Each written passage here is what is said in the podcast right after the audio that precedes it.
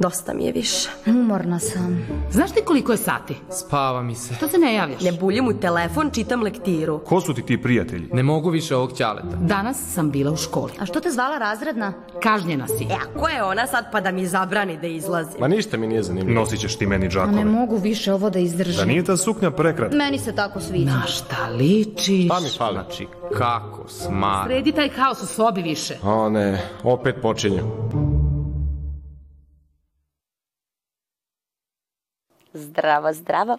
Koliko puta vam se desilo da nekog uhvatite u laži? I da li baš i vi uvek govorite potpunu istinu? Da li je laganje i pričutkivanje isto? Dobro, ovo je sad mnogo pitanja, ali ja znam pravu osobu koja može da nam da odgovore na sva ta pitanja. Idemo da je pitamo.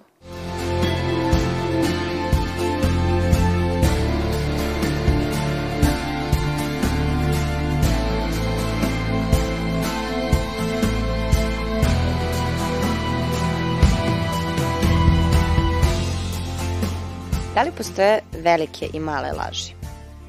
A, pa postoje definitivno. Ma, razlika je u posledicama koje laži jel, da doprinese. Ako je nešto benigno, ako neka sitnica, onda bi to rekli da je mala laža. Ali ono što je, na primjer, isto što su naučnici dokazali, a, kada lažemo, aktivira nam se pre svega amigdala. Ta amigdala se navikne na taj osjećaj, istroši se i onda nam postaje sve lakše da lažemo. I onda prelazimo na te, jel da, veće laži. Da li tinejdžeri više lažu od dece i odraslih? Da, tinejdžerski period je zapravo vreme kada najviše lažemo. Između ostalog zato što pokušavamo da uspostavimo svoju ličnu autonomiju i da se razgraničimo od odraslih. I sad, što odrasli više hoće da nas kontrolišu i da budu uključeni u naš život, to više mi imamo potrebu da se odvojimo od njih. Um, na primer, ono što je činjenica jeste da je laganje zapravo uh, jedan od adaptivnih mehanizama, strategija koje su koreni od ljudskoj psihi od pamtiveka. I tu je sa razlogom. E sad, deca već počinju posle treće godine da razlikuju šta je realnost, šta je mašta, šta je laganje i tada počinju da lažu da bi izbegli neku kaznu, na primer, Dok, na primjer, u tinejdžerskom periodu, kada najviše lažemo, lažemo, lažemo iz razno raznih razloga. Bilo to da se svidimo nekog, da izbegnemo kaznu, da imamo neku ličnu dobit od toga, da steknemo neku prednost, znači to stvarno razlozi mogu biti svakako. Kad roditelj primeti da ga je dete slagalo, da ga pita, ok, koja ti je bila potreba iza toga? Zbog čega si ti imao želju ili koji ti je interes iz toga da me slažeš? I kao, ajde da vidimo zapravo šta je to. I kada uspostavimo tu potrebu, ok, ajde da vidimo kako bi mogli to da ispunimo ili ako se plašiš jako kazne, um, treba uspostaviti pravila, ali ta pravila i kazne koje slede za neko nedolično ponašanje uh, treba da budu pravedni srazmerni. Znači ne da vi ubijete nekog od batina zato što je dobio jedan u školi, nego prosto, čak i ok da se sa detetom dogovorite, ok, šta bi ti bila kazna ako to i to uradiš, ako nešto prekršiš.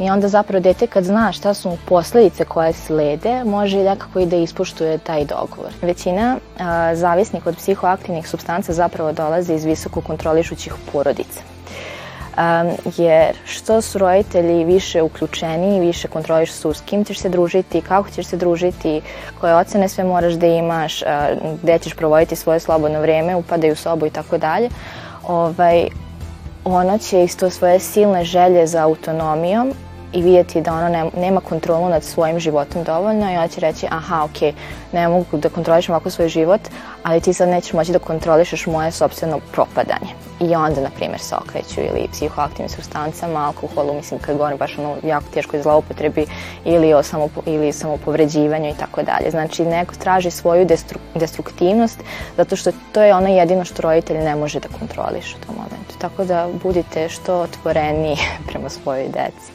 Dete treba da shvati kada uradi nešto pogrešno, na primer, isto šta sam čula u poslednje vreme da se dešava, da kradu pare od roditelja i troše da li na kocku, da li na neke velike stvari. E, na primer, kada su um, tako neke greške, mislim, ne, nisu ni greške, nego pogrešno ponašanje, ovaj, onda treba dete kazniti na primer, da ode i da zaradi isti taj toliki novac koliki je potrošio i ukrao i tako dalje. Znači, gledati da i te kazne budu srazmerne i funkcionalne tom ponašanju, da se ono ne bi kasnije ponavljalo. Ali da, pre svega otvorena komunikacija, znači da se dete osjeća prihvaćeno, da se, neće bo, da se ne boji odbacivanja i nepravedne kazne za ono što je uradilo. Prećutikivanje istine može biti laž, zato što je tu cilj zapravo dezinformacija, ali u ovom smislu bi onda bilo ok, da. Što treba da znači da je pričutkivanje isto što i laganje. Jeste, zato što namere je da nekoga prevarimo, da, da, ga na, da ga navodimo na neki pogrešan zaključak. E sad, bilo to tako što ćemo izokola ovaj, a, govoriti istinu da samog sagovornika a, dovedemo do nekog pogrešnog zaključka, do neke dezinformacije ili konkretno reći neku dezinformaciju, ali da, obe stvari spadaju u laži.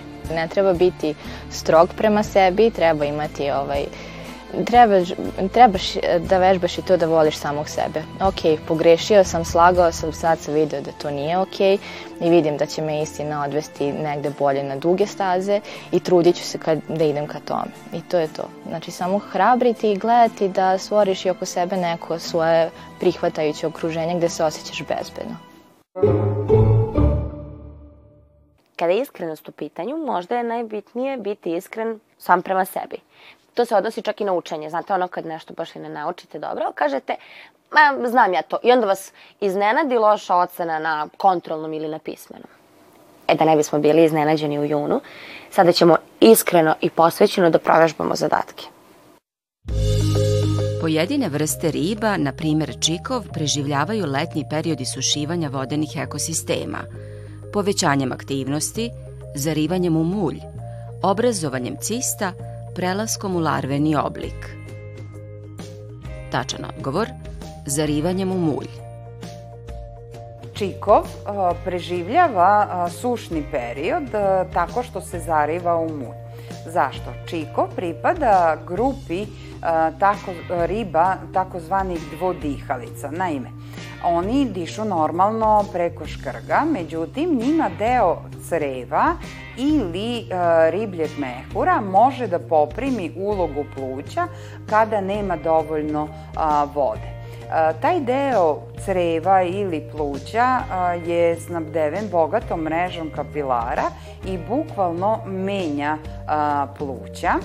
E sad, kada ima vode, čikov najnormalnije diše na škrge, međutim, kako se isušuju bare, jezera, reke, on se zavlači u vlažan mulj i samo mu viri glava i otvara usta i kako otvori usta, tako vazduh ulazi u crevo i doći će do razmene gasova na nivou creva. Inače, dvodihalice imaju i nešto složenije srce nego normalne ribe, zato što kod normalnih riba, odnosno riba koja dišu isključivo preko škrga, kroz srce protiče isključivo dezoksigenisana krv, znači krv koja je siromašna kiseonikom. Međutim, kod dvodihalica cirkuliše i oksigenisana. Odredi padež i broj podvučene reči u navedenoj rečenici. Ko zna gde se Sima inspirisao tom filozofijom? Lokativ množine, akuzativ množine, instrumental jednine, tačan odgovor, instrumental jednine. Skup reči tom filozofijom je u padežu instrumentalu. Instrumental je šesti padež po redu zavisan padež, što znači da zavisi od drugih rečeničnih članova i ne mogu reči u tom padežu stajati samostalno. Instrumental je padež koji odgovara na pitanje s kim, s čime ili čime. Veoma je važno da obratimo pažnju na pisanje i upotrebu instrumentala kada on označava sredstva. Vrlo često se dešava da napravimo grešku i dodamo predlog s kada je u pitanju sredstva. Na primer, ne kaže se deca se igraju sa loptom, nego deca se igraju loptom. Takođe, netačno je reći putujem sa autobusom, nego putujem autobusom. Koliko grama vode treba dodati u 10 grama kuhinske soli da bi se dobio 20% rastvor? 80, 90, 40, 160 grama. Tačan odgovor 40 grama. Jedan od načina za izražavanje sastava rastvora jeste masena procentna koncentracija ili maseni procentni sastav rastvora. Izraz izražavanja masene procentne koncentracije rastvora jeste omega jednako masa rastvorene substance kroz masa rastvora puta 100 ukoliko hoćemo da izrazimo u procentima. U zadatku je dat maseni procentni sastav rastvora 20% i 10 grama kuhinske soli što predstavlja masu rastvorene substance. Unošenjem u izraz dobijamo masu rastvora koja iznosi 50 grama. Na kraju zadatka potrebno izračunamo koliko je vode potrebno za pripremanje ovog rastvora, a voda u ovom slučaju predstavlja rastvarač. Tako ćemo od ukupne mase rastvora oduzeti masu rastvorene substance, što iznosi 40 grama. Na telo deluju dve sile i ono se ravnomerno kreće na gore. Prva sila ima intenzitet 30 njutna i usmerena je na gore. Kakva mora da bude druga sila da bi telo nastavilo da se kreće ravnomerno? Druga sila je usmerena na dole, intenziteta 30 njutna. Druga sila je usmerena na dole i ima intenzitet manji od 30 njutna. Druga sila je usmerena na gore, intenziteta 30 njutna. Druga sila je usmerena na gore i ima intenzitet veći od 30 njutna. Tačan odgovor. Druga sila je usmerena na dole, intenziteta 30 njutna. Ukoliko se telo kreće ravnomerno, to znači da mu je ubrzanje nula, odnosno da se kreće konstantnom brzinom. Kao što znate iz drugog Newtonovog zakona, ukoliko je sila jednaka nuli, odnosno rezultujuća sila jednaka nuli, onda je i ubrzanje jednako nula. Ta, tada telo se kreće ravnomerno. Da bismo imali rezultujuću silu jednaku nuli, moramo uvek postojeću silu da anuliramo, odnosno poništimo sa suprotnom silom istog intenziteta.